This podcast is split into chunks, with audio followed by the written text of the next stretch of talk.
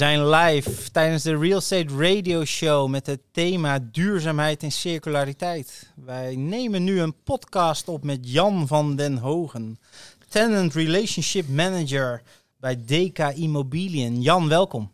Dank je. Ja, duurzaamheid. Uh, wordt veel over geschreven. Uh, zowel in onze sector, maar ook, uh, nou, ik zou zeggen, sla uh, de, de, een gemiddeld dagblad open. Of kijk naar het NOS-journaal, COP26, vrij recent in Glasgow. Maar als we even dicht bij Jan zelf beginnen. wat, wat doet het thema duurzaamheid met jou? Nou, met, voor mezelf is duurzaamheid best, een, best natuurlijk een hot topic. Dat, de mensen die me kennen weten dat ook wel. Dat ehm, we met z'n allen toch moeten gaan proberen een wat andere wereld achter te laten dan we hem tot nu toe uh, een beetje verknoeid hebben, om het uh, maar voorzichtig te zeggen. En uh, ja, ik heb het, het, het, het genot natuurlijk bij de, in de Champions League van de vastgoedmarkt te spelen. Uh, met mijn werkgever. En uh, ook daar zien we gelukkig de kentering dat uh, het niet alleen nog maar een, of niet alleen meer een, een denken is vanuit een performance- en rendementgedachte, maar dat ook duurzaamheid echt een, een substantieel onderdeel van je, van je beleid, van je politiek begint te worden. En ehm, ja, als je het een beetje in de grote lijn ziet, um, dan zie je met name bij de grote institutionele beleggers dat ESG, je noemde het al zo mooi in het, uh, in het voorwoord, dat die ESG-doelstellingen toch steeds meer een integraal deel gaan uitmaken van het beleggingsbeleid. En, uh, en daardoor natuurlijk de, de, de wereld er wat, wat anders uit komt te zien voor uh, de mensen die daar direct met dat vastgoed bezig zijn. Ja. Dus um, je moet daarbij denken aan aan bijvoorbeeld environmental van de ESG, dat je uh, in één keer een, een, een, heel andere manier van investeren gaat krijgen en een heel andere manier van het kijken naar vastgoed uh, om te voldoen aan die, uh, die randvoorwaarden die ESG-politiek binnen je bedrijf stelt. En dat geldt natuurlijk even zo goed voor social en governmental. Ehm, eh, mensen verwachten dat van je, aandeelhouders verwachten mhm. dat van je, activisten verwachten dat van je. Nou, is misschien even goed. Hè? De, de scope van deze podcast is uh, ook zeker met jou even in te zoomen op het commerciële vastgoeddomein en dan met name de institutionele spelers. Je, we, we, zullen misschien een klein beetje ook de diepte ingaan in bijvoorbeeld de logistics kant. Hè, om even wat, wat concrete voorbeelden te geven. Uh, maar inderdaad, kun jij ook eens tastbaar maken. En ook wanneer eigenlijk voor jou deze transitie begonnen is. Hè? Hebben we het echt over tien jaar geleden? Of is dit echt iets van korte termijn? In de zin van dat jij pas een jaar, twee jaar geleden echt wel een teneur zag in jouw wereld. Dat, dat dit onderdeel werd van jouw werk? Nou, dat is inderdaad pas een paar jaar uh, geleden hoor. En ik uh, denk dat dat geldt voor uh, eigenlijk iedere grote institutionele belegger wereldwijd, of het nu de Blackstones van deze wereld zijn, de DK's, de Unions of de ABP's. Om maar eens een voorbeeld te noemen. Ja. Uh, iedereen had er natuurlijk de mond vol van, maar uh, gebeurde niet zo heel veel. Um, um, uiteindelijk zie je dat vanuit de maatschappij uh, de roep steeds sterker wordt van jongens, um, je kunt zo niet door blijven gaan met, met wat je aan het doen bent met z'n allen. En, en aandeelhouders volgen natuurlijk in dat kielzog. Maar dat is echt pas iets van de laatste paar jaren bij de institutionele beleggers hoor. Het, was, het zou tien jaar geleden of vijf jaar geleden niet denkbaar geweest zijn dat een ABP in Nederland bijvoorbeeld zou zeggen dat ze zich volledig zouden terugtrekken uit, uh, uit aandelenportefeuilles waarin uh, bedrijven zitten die met fossiele brandstof bezig zijn bijvoorbeeld. Dat was echt vijf jaar geleden ondenkbaar onbespreekbaar, want het rendementsdenken stond primair, uh, was prioriteit nummer één uh, in de beleggingspolitiek. En eigenlijk is, wordt nu steeds meer dat rendementsdenken uh, wordt onderdeel van die ESG-doelstellingen. Uh, en dat is echt ook iets van pas de laatste paar jaren hoor. Ik bedoel, um, het, begrip ESG was echt drie, vier jaar geleden bij institutionele beleggers uh, onbekend. Als iemand anders je wat, wat gaat vertellen dat, het, dat ze het daar al misschien tien jaar deden, dan hebben ze wel bijzonder onder de oppervlakte gezwommen, moet ik zeggen. Want mm. uh, dan is het in ieder geval nooit tevoorschijn gekomen. Maar nu is het zover. Ja. En ja, het heeft, een, uh, het heeft een behoorlijke impact op de sector. Um, ik denk dat aandeelhouders op een gegeven moment ook moeten begrijpen dat rendementen even uh, misschien een stapje terug gaan doen ten faveur van het voldoen aan die beleggingsdoelstellingen, die nieuwe beleggingsdoelstellingen die je hebt. Op het einde van de rit is het voor mij ook volledig duidelijk dat in de sector alles wat zal voldoen aan die ESG-beleidspolitiek die er nu is, dat dat uiteindelijk ook de vastgoedportefeuilles zullen zijn die overleven en die op dat moment weer waanzinnig zullen renderen. Ja. Nou, dat is een, een mooie uh, brug naar inderdaad een van de, de, de, vragen waar ik wat meer op in zou willen zoomen. Hè? Want jij, jij bent natuurlijk de, de pater familias van de commerciële vastgoedsector. Hè? Jij, je hebt alles zien uh, ontstaan en ook weer zien veranderen.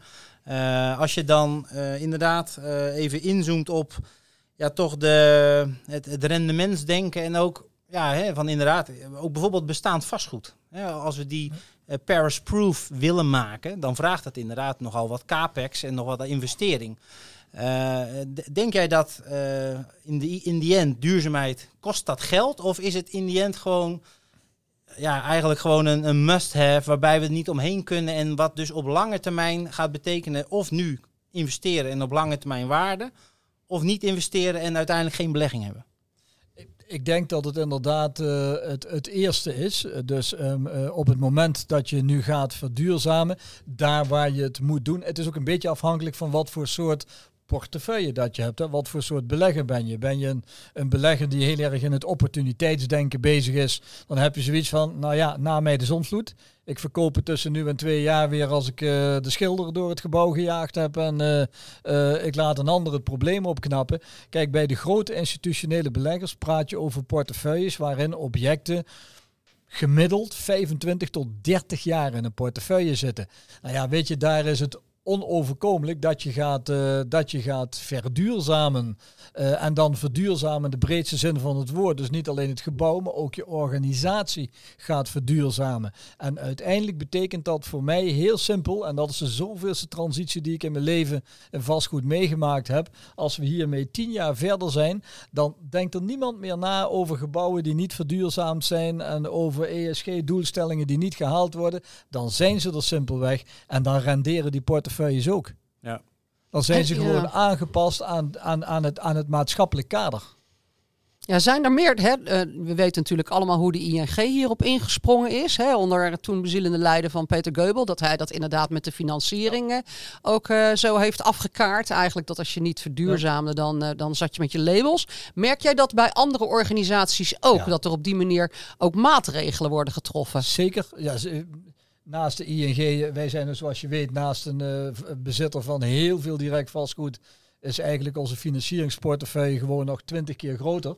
En uh, ook daar geldt simpelweg, um, wij zijn een soort activistische aandeelhouder geworden en rekenen gewoon bijvoorbeeld Volkswagen af op hun CO2-footprint. Volkswagen is een club die wij uh, volop financieren in, uh, in Duitsland. Dat is ook een Duitse bank, dus ja, een Duitse ja, automotive logisch, is niet ja. zo heel onlogisch.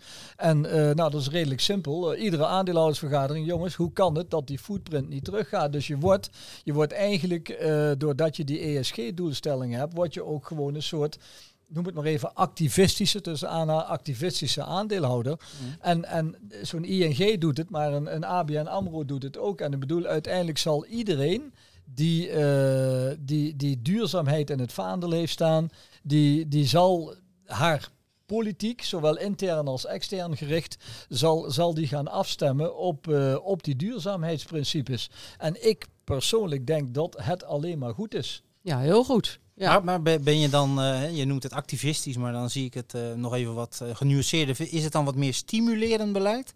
Of begint het ook corrigerend te worden, namelijk dat je penalties op gaat leggen of uiteindelijk zelfs uitsluitend beleid? Je gaf ja, net een voorbeeld met een ABP die uiteindelijk zegt, ja. wij gaan niet meer in gas en kool uh, beleggen.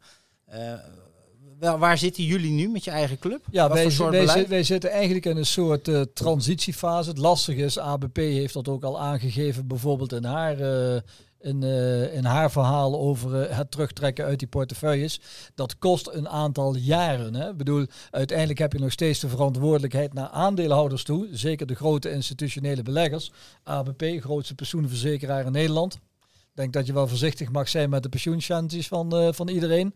Um, Dus je zult daar een, een, een, een transitieperiode heb je van een paar jaar, waarin je eigenlijk de beste momenten gaat kiezen, waarop je je van, vanuit bepaalde sectoren gaat terugtrekken of bepaalde bedrijven niet meer wilt gaan, uh, gaan financieren.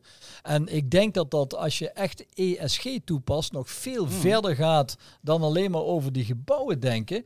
Maar dan moet je zelfs afvragen, wil je met bepaalde landen nog wel handel drijven. Ja, ja. Vind, vind je niet daar, als je nu naar de S van social kijkt, en je ziet wat er in een wereld gebeurt uh, zoals deze, waar Oeigoeren eigenlijk gewoon, uh, nou ja, dat is bijna een genocide wat daar, uh, wat daar plaatsvindt. Vind je nu dat je dan als, als een van de grootste financieringsinstellingen ter wereld daar zou moeten gaan investeren? Maar dan zeg jij in heel politieke termen toch dat er een shake-out gaat ontstaan. Dat uiteindelijk als die aan de capital flow begint, dat er een zuiverend mechanisme ontstaat. Dat partijen uiteindelijk niet gefinancierd worden. Een goede vraag van Claudia dat uiteindelijk banken incentives geven om te verduurzamen. Maar als je dus niet duurzaam bent, financieren we je niet. En daarmee krijg je eigenlijk een zuiverend mechanisme. Wat ook helemaal niet verkeerd is. Kijk, uiteindelijk, um, um, dat, dat is altijd heel, uh, heel vervelend om te moeten vertellen, maar het draait om geld, geld en geld. Simpelweg een vastgoedmarkt, een maatschappij draait om geld, geld en geld. En hoe pak je nou eigenlijk, als je een probleem nou bij de kop wilt aanpakken, waar moet je dan beginnen? Nou, gewoon kijken naar de geldstromen die er zijn. En die kunnen gewoon als een corrigerend mechanisme gaan dienen uh, om een stukje maatschappelijke beïnvloeding te doen. En als je natuurlijk de enige bent die het doet, dan wordt het heel lastig. Dat ben ik met je eens. Maar op dit moment zie je wereldwijd overal de convenanten tussen met name de grote institutionele clubs ontstaan. Omdat de aandeelhouders daarvan zeggen, ja jongens, dit kan zo niet verder. Wij willen eigenlijk geen aandelen meer in jullie club hebben als je dit beleid blijft doorvoeren. Dus die, die, dat, dat vliegwieleffect, wat eigenlijk ontstaat vanuit de maatschappij, dat gaat door op die kapitaalstromen die er in mhm. die maatschappij zijn. En die kapitaalstromen zijn dadelijk de corrigerende factor. Zijn ze nu al hoor. Ja, echt gedragen verantwoordelijkheid. Ja, dat is mooi. En, en zie je dan, daar ben ik wel benieuwd naar jouw visie op. In welke asset class zijn we dan eigenlijk al het verst? Dat is, en jij hebt dan hoofdzakelijk in de commerciële vastgoed uh, je strepen verdiend. Maar zijn er nou echt asset classes die uitblinken, echt uh, de frontrunners zijn? Of zijn er ook nog zeker van kantoren tot en met logistics? Of zijn er ook echt wel onderdelen of partijen die echt outperformen al in jouw ogen? Nou, echt, echt, de echte outperformers zijn nog niet. Want zoals ik al vertelde aan het begin van mijn verhaaltje, we, zijn daar eigenlijk met z'n allen um, pas twee, drie jaar heel erg actief mee bezig. Kijk, we hebben natuurlijk een heleboel frontrunners gehad die al 10, 20 jaar over, uh, over duurzaamheid nadenken wat vaak de roepende in de woestijn waren. Hè? Ook, ook, mhm. dat nog eens even, want ja, iedereen was bezig met uh, vooral geld verdienen, steenkolencentrales aan de gang houden, uh, zescilinder dieselauto's rijden. Uh, nou ja, ik hoef het allemaal niet uit te leggen, maar zo, zo zat die maatschappij natuurlijk gewoon in elkaar. En eh, ik denk dat je nu op dit moment een, een transitie hebt in de maatschappij waar die ommekeer begint te komen. Ehm, heb je daar echt in de assetklasse frontrunners in? Ik denk dat iedere assetklasse daar uh, heeft zijn eigen problemen daarin. En, ehm, en, en het gaat met name uh, binnen, als je naar al die assetklassen kijkt, is, is natuurlijk vooral het probleem dat stenen werkelijk een, een, een, een immobiel zijn. Ze, ze je, kunt er zo, je kunt er eigenlijk verschrikkelijk weinig mee. Je kunt alleen maar, als het niet klopt, kun je alleen maar proberen corrigerend te transformeren en te renoveren. Meer kun je niet doen. Uh, het voordeel wat je bijvoorbeeld wel ziet in een logistiek sector, is dat uh, heel veel mensen denken nog steeds dat dat zo ongeveer de meeste, uh, de meeste hoe zeg je dat, ja, sector is waar eigenlijk ehm, uh, echt uh, de, de vuilste van de vuilste mhm. sector die maar denkbaar is. En vastgoed zou de logistiek sector zijn. Maar ja, op dit moment is de logistiek degene die bijvoorbeeld veroorzaakt dat in Nederland het elektriciteitsnet de opname van, van opgewekte groene stroom niet meer aan kan. omdat al die gebouwen die worden gewoon helemaal volgelegd met zonnepanelen. Dus die leveren waanzinnig veel groene stroom. Elektrische vrachtauto's rijden er inmiddels gewoon alweer rond. Er zijn al diverse testtrajecten uh, Daimler doet het in Duitsland. Mm. Uh, iRide, Scania, Volvo doet het in uh, Zweden. werkt allemaal als een, eh, als een trein inmiddels. Dus dat is een kwestie van tijd. Uh, wat we nu in die sector kunnen doen, is dat we wanden nu met folie bekleden, die ook als een zonnepaneel functioneert. Dus op een gegeven moment levert zo'n uh, zo'n zo'n grote hal, die levert gewoon stroom op voor 5.000, 6.000 gezinnen.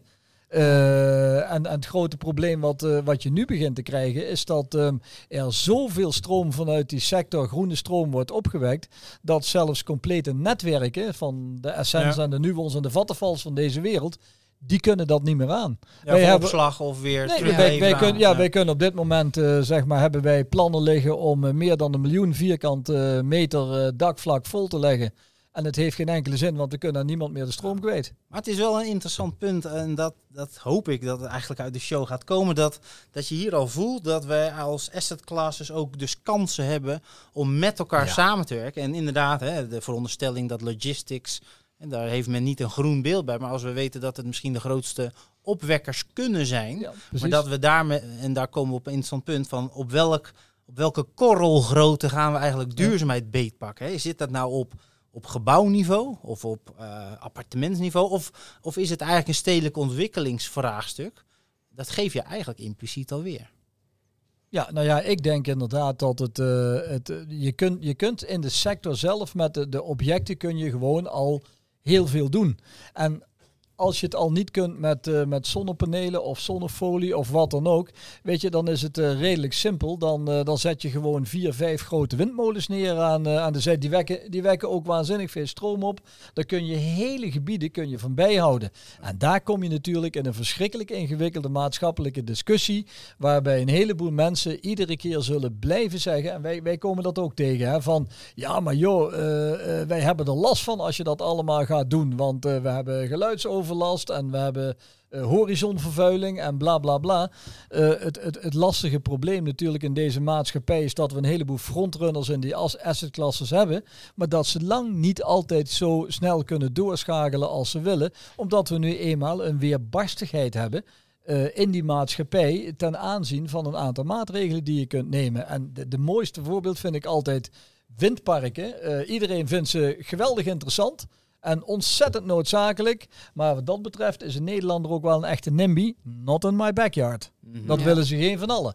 En ik bedoel, op het moment dat we natuurlijk. En, en op het moment dat we hiermee ook gehoor blijven vinden. En gewoon tien jaar kunnen procederen. Is dat de bottleneck in de gebiedsontwikkelingen. En is politiek in jou. Wat voor rol heeft de politiek in deze? Is het een bottleneck? Kan het een stimulerende speler zijn in ja, dit geval? Ook wel een voorbeeldfunctie, denk ik. Als ik zie hoe Rijksvastgoed inderdaad toch ook al wel circulair bouwt en dergelijke.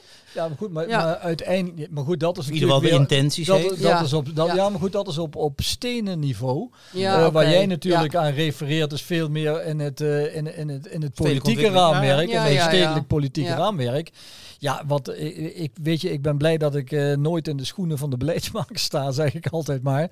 Uh, omdat ik zo daar ook geen, uh, geen, geen directe oplossing voor heb. Maar ik denk een geleide centrale politiek, hoewel iedereen dat in Nederland afschuwt. Ik weet het. Ik bedoel, alles is gedecentraliseerd. en, ja, mijn paterfamilias mag alles zeggen. Maar ik mag bijna, ja, na, na, na, na 40 jaar vastgoed mag ik bijna Eigenlijk alles, wel de Nestor, hè? Ja, maar weet je, maar uiteindelijk zou je, als, als hier nu gewoon gestuurd gaat worden en we nou eens al die gemeenten dat stukje decentraal weer eens wegnemen, waardoor je dus nu gewoon hebt dat midden in een groene wei kan ik eh, als gemeente wat centjes verdienen door de grond te verkopen. En dan gooien we er maar weer een bak van 50.000 meter op neer. En uh, ja, joh, wat kan ons verschillen dat dat ding over 10 jaar weer leeg staat?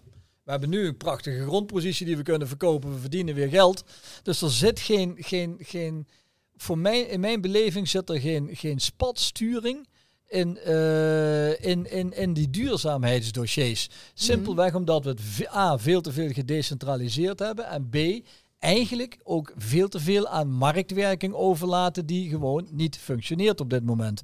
Dus dat betekent dat um, als je zoals ik het zou, graag zou willen zien, is uh, we, we, praten nu over een minister van, uh, van Wonen. Misschien moeten we meer een uh, minister van duurzame gebiedsontwikkeling hebben of zo. Die gewoon eigenlijk een heleboel van die dingetjes bij al die ego-trippende wethouders weg gaat nemen.